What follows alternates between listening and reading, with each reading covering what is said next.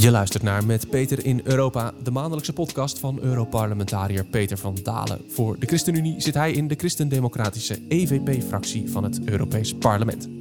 Zoals elke maand praat ik met hem over de gang van zaken in dat grote politieke instituut.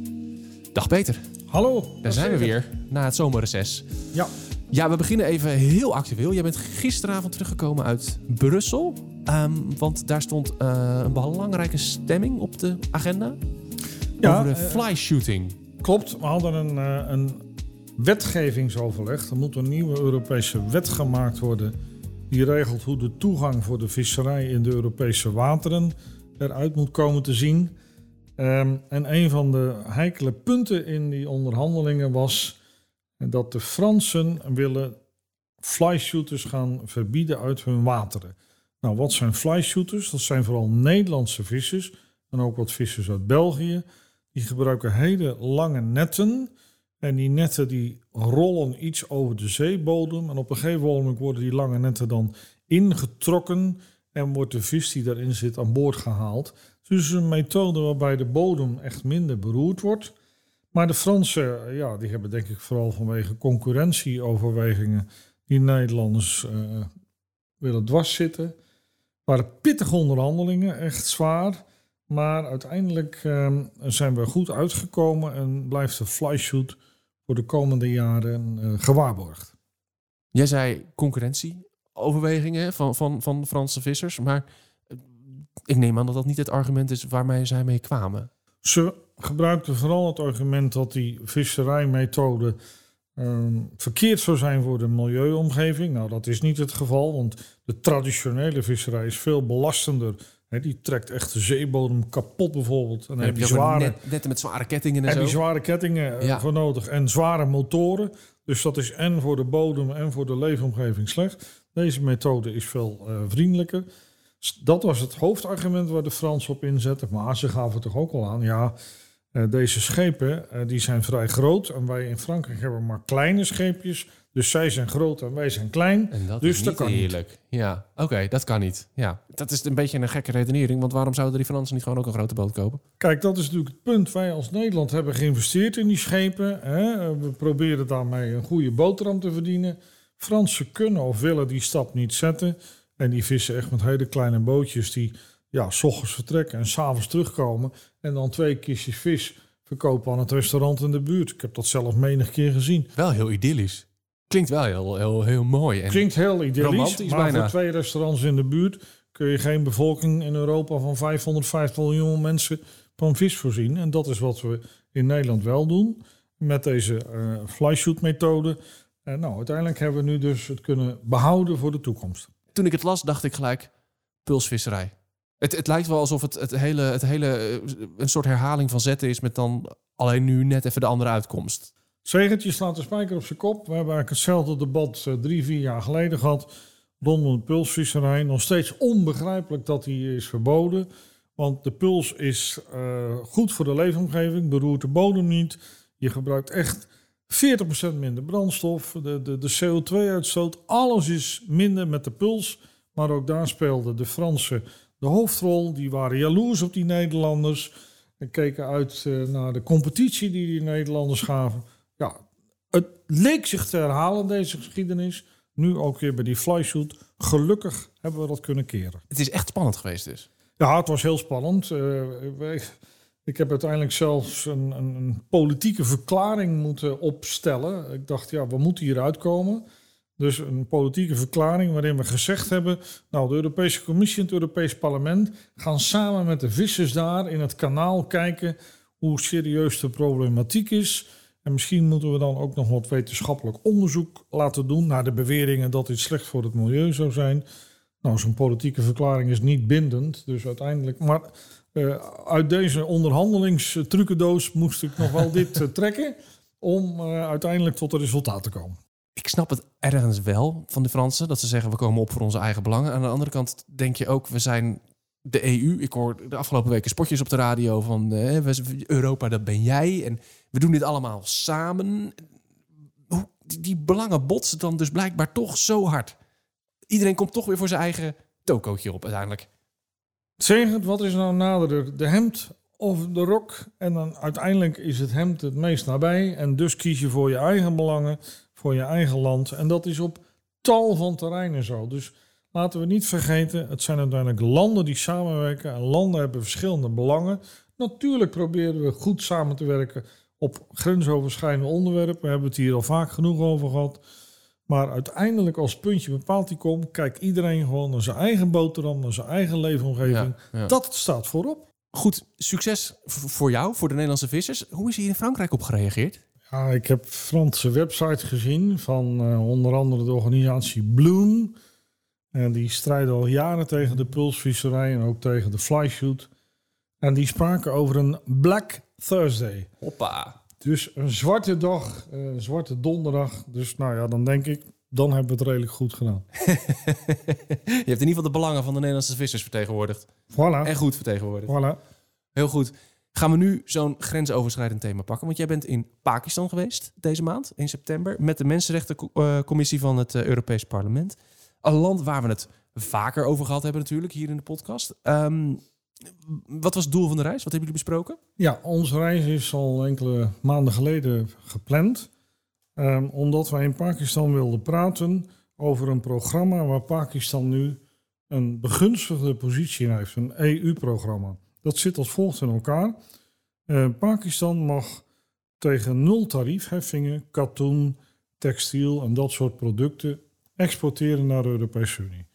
En dat levert Pakistan zo'n 4 à 5 miljard euro per jaar op. En dat is voor dat land veel geld. Zelfs voor een land, zo'n land van die grootte is 4, 5 Ja. miljard niet iets waar ze makkelijk eh, vanaf gaan stappen. Nee joh, het is een land met een paar honderd miljoen mensen. Maar ze hebben nog niet eh, de helft van het bruto nationaal product van Nederland bijvoorbeeld. Oh ja, nou. Ehm, dus je praat daar over veel geld. En Pakistan moet nu opnieuw die aanvraag gaan indienen, omdat de regels zijn aangescherpt. En de Europese Unie heeft gezegd, je mag weer in het programma meedoen als je ehm, in de eerste plaats de situatie van de mensenrechten en de godsdienstvrijheid aantoonbaar verbetert. Dus niet alleen maar een, een wettekst op papier, maar echt dat de mensen meetbaar, tastbaar veranderingen meemaken. En twee, het Europees Parlement krijgt nu medezeggenschap over die beslissing. Dus wij hebben dat uitgelegd aan ministers, aan mensen uit de Tweede Kamer, aan mensen van de Senaat. En wat we zagen was, sommigen dachten, nou ja, de Europese Unie laat Pakistan niet vallen. Dat gaat automatisch wel door. En anderen hebben toch wel beseft, ja, we moeten echt gaan eh, bijwerken wat we nu aan mensenrechten en godsdienstvrijheid hebben. Anders dan kunnen we deze begunstigde positie wel eens gaan mislopen. Ja. Je zegt het moet meetbaar veranderen, dus niet alleen op papier. Hoe, hoe meet je zoiets? Nou, dat kun je goed meten. Ehm, dat hebben we bijvoorbeeld gedaan door eh, allerlei mensenrechtenorganisaties nu te spreken. We hebben bijvoorbeeld ook de advocaat Saiful Malouk eh, te horen gekregen. Die Asia Bibi en het christelijke echtpaar Sagufta en Safkwat had verdedigd. En die weten nu hoe op de grond, in de situatie van mensen, bijvoorbeeld de vervolging is van christenen. En hoeveel mensen er elk jaar eh, ter dood worden veroordeeld vanwege godslastering. Nou, dat getal bijvoorbeeld, dat moet je dan duidelijk zien terug gaan lopen. Dat is een manier om het te meten. Een andere manier is bijvoorbeeld, er zijn nu maar, ik dacht 3 of 4 procent van de mensen in Pakistan aangesloten bij vakbonden. en heel veel ja. mensen durven zich niet te uiten over de arbeidsomstandigheden, omdat ze ontslagen worden. Nou, we willen dus zien dat het aantal mensen wat bij vakbonden is, dat dat ehm, verdubbelt bijvoorbeeld. Dat kun je meten. En je kan ook meten, ja, als er ontslagen plaatsvinden, waarom is iemand dan ontslagen? Ja. Hè? Als hij zich gemeld heeft van, hé, hey, mijn omstandigheden zijn slecht en dan wordt ontslagen, dan wordt dat geregistreerd. Dus er zijn reeksen van meetinstrumenten om concreet te zien wat er kan veranderen. Een van de dingen die jullie eh, ook zo graag zouden willen veranderen, we hebben het ook eerder over gehad, is de blasfemiewetgeving, hè, de, de godslastering. Daar hadden we het over in aflevering 3 van de podcast. Hè. Die wet wordt ook vaak onrechtmatig gebruikt. Heb je het hierover kunnen hebben in Pakistan? Ja, zeker. Ik heb dat aan de orde gesteld bij de Tweede Kamer daar, de Tweede Kamerleden, mensen van de Senaat en ook de minister van Justitie. En die zeiden eigenlijk allemaal, die blasfemiewetgeving krijgen we niet meer weg. Dat is zo een essentieel onderdeel van onze samenleving, dat als we dat gaan afschaffen, dan krijgen we hier een grote revolutie. Ik heb gezegd, ja, toch moet je daar naar kijken, want die wet wordt zo verschrikkelijk misbruikt. Ehm, maar goed, als het echt niet kan, dan moet je de dingen veranderen. Want nu zitten soms mensen zes, zeven, acht jaar met een doodvonnis op zak in een cel, voordat hun zaak misschien ooit eens bij het Hoge Rechtshof komt. Ik zeg, dan moet je die procedures gaan inkorten en, Ja, en ja. veel sneller een besluit nemen. Nou ja, dat was dan moeilijk, moeilijk. Ik zeg, wat kunnen we daar aan doen? Hoe kunnen we die procedures verkorten? Nou, toen kwam een van die senatoren met het idee. Die zei, nou meneer Van Dalen, als u dan een brief schrijft aan de hoogste baas van het Hoge Rechtshof, de hoogste rechter hier in het land, die moet toezicht houden op die lagere rechtbanken, dan kan zo'n brief wel helpen. Toen zei ik, ja, ik wil best een brief schrijven, maar niemand kent hier Peter van Dalen. Maar u bent hier heel bekend, zullen we dan samen die brief schrijven? Toen zei hij, dat is goed. Kijk, Dus we zijn nu die brief aan het maken. Concrete En dan kan stappen het zijn toezicht- Ja. dan kan het toezicht concreet op die rechtbanken veranderen, zodat die procedures kort worden. Dat is één. Twee, ik heb ook nog een concrete blasfemiezaak van meneer Unite Hafees. Heb ik aan de minister van Justitie gegeven. Aanvankelijk wilde hij er niks van weten.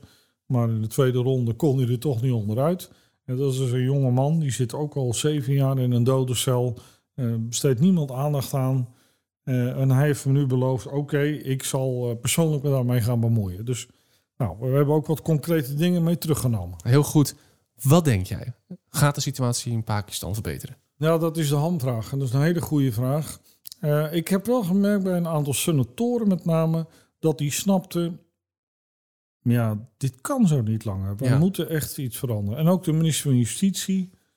die snapte dat ook heel goed. Tegelijkertijd, de politieke situatie is instabiel. Die minister van Justitie zit er net vier maanden.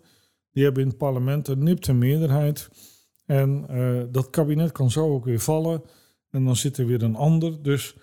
Eh, Ik heb hoop dat het verandert. De boodschap heeft duidelijk geklonken. Maar eerst zien dan geloven, moet ik helaas zeggen. Dat denk ik ook, ja. En wat ik me nou afvraag, eh, Pakistan heeft duidelijk handelsvoordelen. Hè? Daar moeten ze dus nu de mensenrechten situatie voor gaan verbeteren. Zijn er ook andere landen in de wereld waar, waar dit gaat spelen? Ja, deze begunstigde positie. er zijn acht landen in de wereld, inclusief Pakistan, die dat hebben.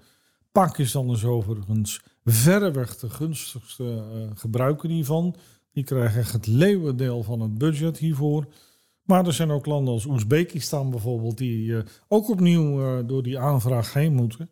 En daar zal het ook heel spannend voor worden, want ook daar is bijvoorbeeld de godsdienstvrijheid eh, bepaald niet in orde. Dus al deze acht landen moeten opnieuw door de molen van de toetsing met aangescherpte eisen. Dus of het er straks nog acht zijn, dat is de vraag. Dat is zeer te betwijfelen. We gaan dat meemaken. Dan iets dichter bij huis. Italië. Want zondag 25 september koos Italië een nieuw parlement. Dat heb je zeer waarschijnlijk meegekregen. De grootste winnaar is het rechtsradicale Fratelli d'Italia van Giorgia Meloni. En hiermee krijgt Italië waarschijnlijk ook een zeer rechtse regering. Want waarschijnlijk komen ook de partijen Lega en Forza Italia in de regering. Silvio Berlusconi is weer terug, las ik. Dat, ik, was, ik was echt even flabbergasted. Die man, die, we krijgen hem maar niet weg. Hoe kan dat? Ja, nee, hij staat in het Wassenbeeldenmuseum, maar hij is ook nogal live in kicking. En op een verkeerde manier. Want hij heeft net voor die verkiezingsdatum nog gezegd... Ja, meneer Poetin die viel eh, Kiev binnen omdat hij alleen maar meneer Ze- Zelensky wilde vervangen. Dus eh, dan hadden ze echt wel weer vertrokken hoor. Nou, dat zijn schandalige uitspraken. Dus het is jammer dat deze kerel... Hij komt niet in de nieuwe regering, maar hij komt wel in de Senaat van Italië terug. En zijn partij levert ook een aantal ministers straks. Ja, dit soort lieden kun je mis als kiesbaar. Ik wou zeggen, die kunnen we, waren we liever kwijt dan rijk. Maar goed, wat betekent deze verkiezingsuitslag voor Europa? Die vraag gaan we proberen te beantwoorden. Ik denk niet of we er helemaal uitkomen. Kijken of het lukt. Ik moet wel even één ding bij zeggen. Het is nu vrijdagochtend 30 september. Dus het, het kan zo zijn dat bepaalde zaken al weer een beetje anders liggen dan wij nu bespreken. Dan weet je dat vast. Ehm, ja, eerst maar even, eh, Peter, ja, je, je gaf al een klein beetje iets weg. Maar wat was jouw eerste gedachte toen deze uitslag bekend werd? Ja, ik had het helaas wel verwacht. Eh, en waarom had ik het verwacht? Eh, kijk, aan de andere kant, eh, zeg het, links heeft daar de afgelopen jaren ook geen bal gedaan. Eh, links was verdeeld, er waren ook afsplitsingen van de Socialistische Partij. Meneer Renzi ging alleen verder. En ze hebben de grote vraagstukken van bijvoorbeeld asiel en migratie, bureaucratie en dergelijke eigenlijk niet aangepakt. En mevrouw Meloni heeft daarom nu de zegen binnengesleept. Ja, ik ben ook wel bezorgd uh, over aspecten van mevrouw Meloni. Als ik denk aan de Ruslandpolitiek. Maar vooral ook, hoe gaat het met het begrotingstekort van Italië? Want het begrotingstekort van Italië is na Griekenland het verreweg het grootste uh, in, uh, in Europa, in de eurozone. En ik las een citaat in een Duitse krant, wat ik de luisteraars toch niet wil onthouden. Das Einzige, was in Italië zuverlässig wächst, is die Verschuldung. Het enige wat in Italië betrouwbaar groeit, betrouwbaar toeneemt, dat zijn de schulden. Zijn de schulden en dat wordt echt een serieus probleem. Want mevrouw Meloni heeft nu al aangekondigd dat ze de pensioenen wil eh, gaan verlagen, de belastingen wil gaan verlagen. En dat gaat jou en mij ook raken op een gegeven ogenblik. Want Italië komt dus op de schuldenglijbaan. Frankrijk zit ook al op de schuldenglijbaan. België zit dat ook.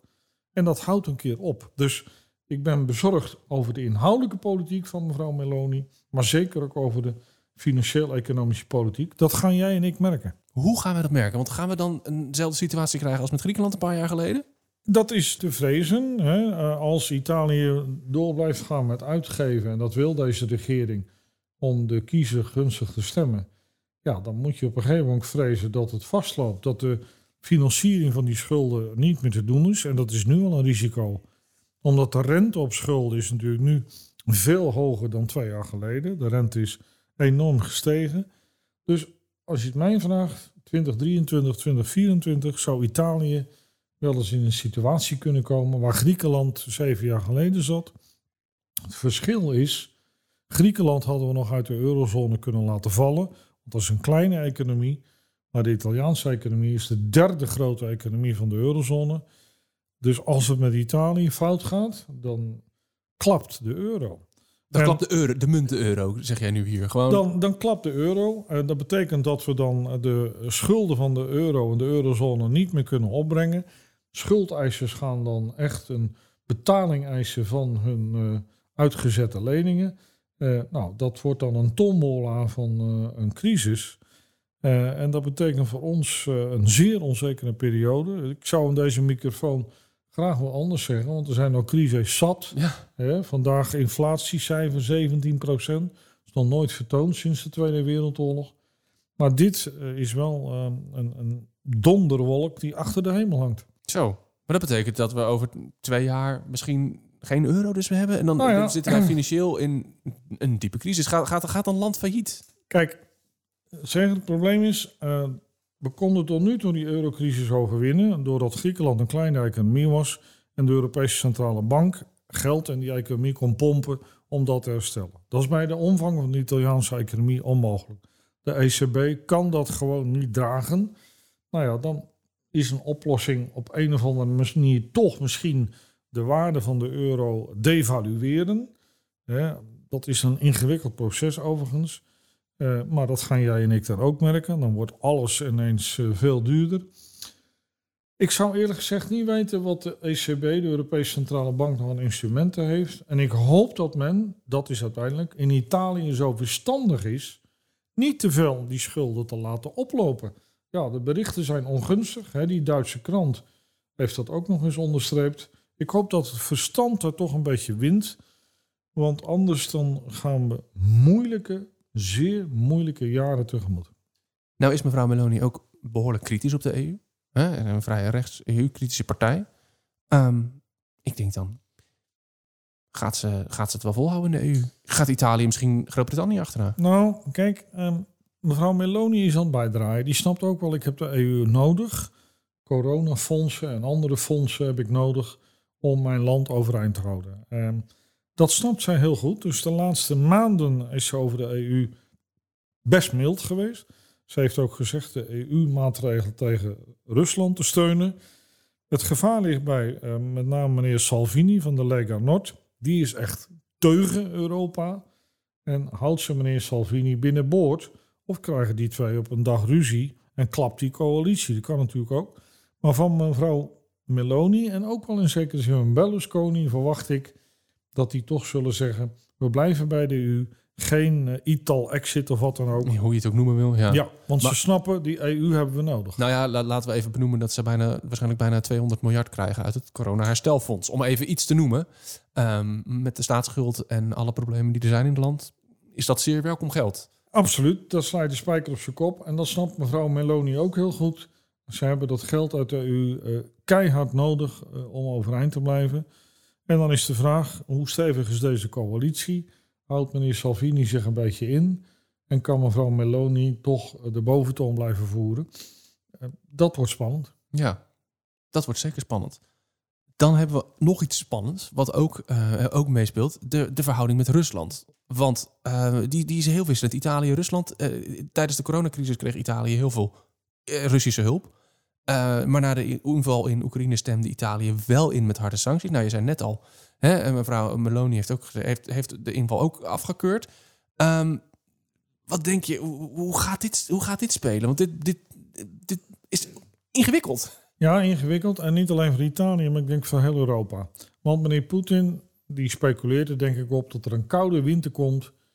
Dat er in veel steden in Europa demonstraties gaan komen.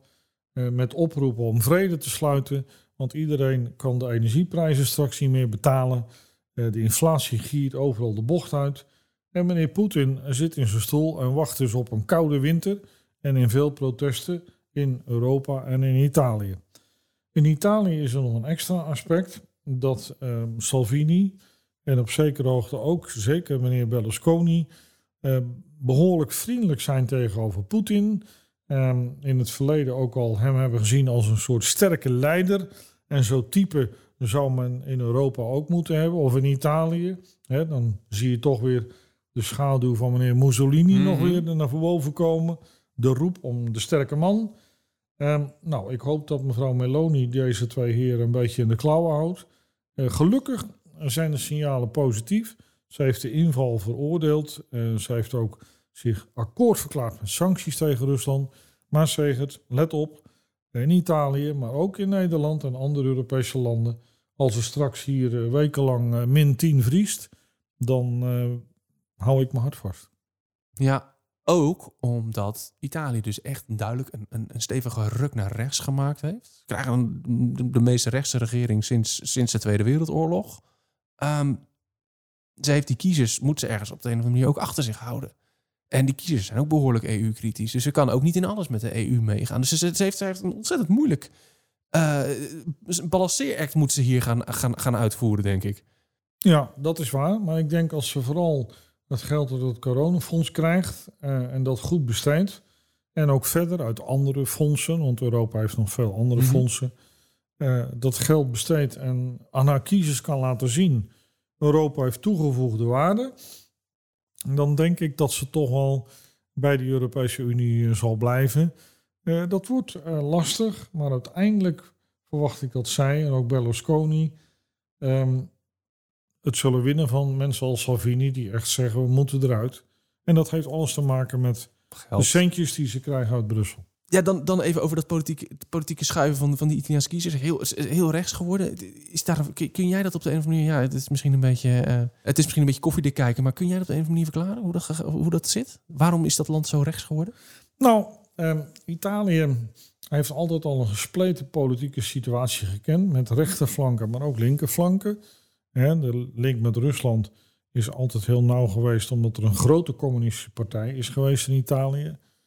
Um, tegelijkertijd zie je dat um, de linkse partijen de afgelopen tien jaar er ook een zootje van hebben gemaakt. Uh, in de eerste plaats verdeelden ze zichzelf. Ja, meneer Renzi heeft zich afgesplitst van zijn moederpartij, de Socialistische Partij. Is voor zichzelf begonnen. Nou, dat werd ook niet een groot succes. En in de tweede plaats uh, je ziet dat links de grote thema's niet heeft aangepakt. Het grote thema in Italië is asiel en migratie. Ja. Ga maar kijken op de stationspleinen van alle grote steden, van, van Firenze tot Bolzano. Daar hangt de bloei van de Afrikaanse naties hangt er rond. Jonge mannen tussen de 17 en de 30 die geen toekomst hebben, uh, die de druk zijn, die overlast veroorzaken. Elke dag bijna kun je in Italiaanse kranten wel lezen dat er weer iets is misgegaan ja, op dat ja. vlak. Links heeft dat niet aangepakt. Dus de mensen hebben op een gegeven moment ook gedacht bij deze stemming. Nou, misschien kan mevrouw Meloni er wat aan doen. Want links heeft verzuimd uh, hier te acteren. Nou, dat is denk ik uh, de hoofdreden waarom deze verschuiving heeft plaatsgevonden. Ja, dat zie je dan toch als de gevestigde orde niet ingrijpt. Dan komt er een, een, een stem van buiten die nog harder roept en die nog steviger beleid belooft. Of het waargemaakt wordt, moeten we zien. Nou ja, dat is natuurlijk een dilemma wat we in heel veel landen hebben. Ook in Nederland zie je dat er een aantal rechtse partijen zijn die zeggen van... het is een rotzootje hier, kom bij ons en wij gaan u helpen.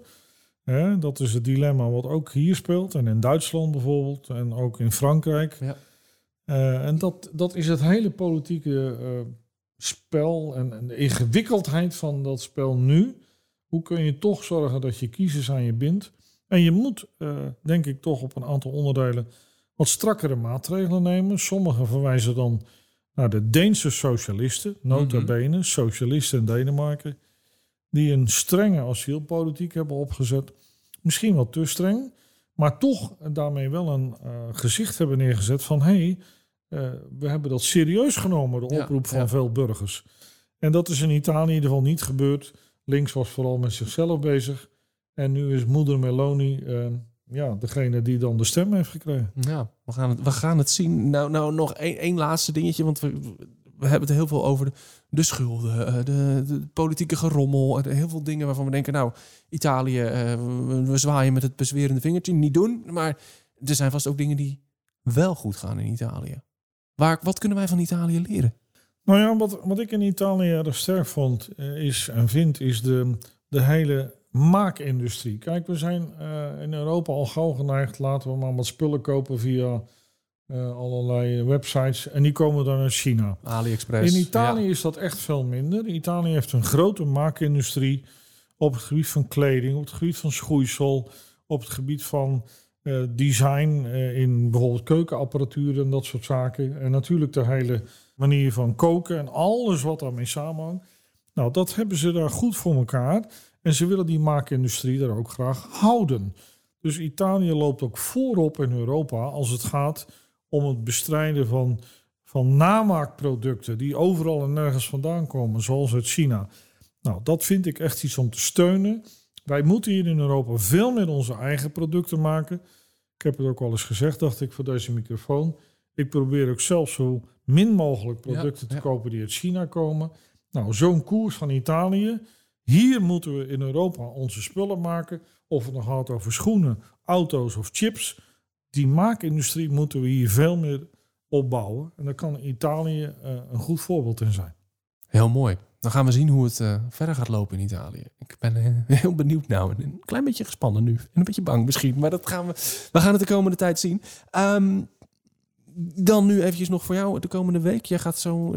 wat, wat wordt het deze week? Wat staat op het programma? We zitten, als deze podcast uitkomt, in de Straatsburgweek. Dan vergaderen we in Straatsburg. De grote verhuizing. Ja, dan gaan we helaas weer verhuizen. Uh, op de agenda hebben we een paar belangrijke onderwerpen. Ik probeer mee te doen aan een debat over Pakistan, wat mm geagendeerd is. Verder hebben we een debat over de godsdienstvrijheid. De Europese Unie heeft nog steeds geen nieuwe gezant benoemd voor de godsdienstvrijheid. Het is ongelooflijk. En dat staat nu op de agenda. Mevrouw van der Leyen moet nu eens een keer laten zien in hoeverre ze echt christendemocraat is. Maar dat, dat even heel even kort, want we hebben het vaker over gehad. Dat is inmiddels, hoe lang geleden? Dat, de, hoe lang de, de laatste, is twee, de, de laatste gezant die we hadden, die was er vier maanden. Ja. En die vertrok in september 2021, dus dat is meer dan een jaar geleden. een jaar geleden, ja. Uh, dus daar moeten we nu echt over praten. En tenslotte, uh, Azerbeidzjan heeft de afgelopen maand uh, aanvallen gepleegd op Armenië. Er zijn al heel wat doden gevallen. Dat lees je niet in de kranten. Het is een beetje een vergeten oorlog. Ja. Maar ook dat staat op de rol in het uh, vraaguur met de buitenlandchef meneer Borrell. En daar hoop ik ook een deel te nemen. Want die oorlog en vooral de agressie van Azerbeidzjan, uh, dat is onacceptabel. Dan moet Europa ook optreden. En tenslotte, aan het einde van die week, hoop ik naar de Open Doorsdag te gaan in, in Barneveld. Dat zou ook wel even een bijzondere dag zijn. Want in de week dat wij het opnemen is, is uh, Anne van der Bijl, oprichter van Open Doors, overleden.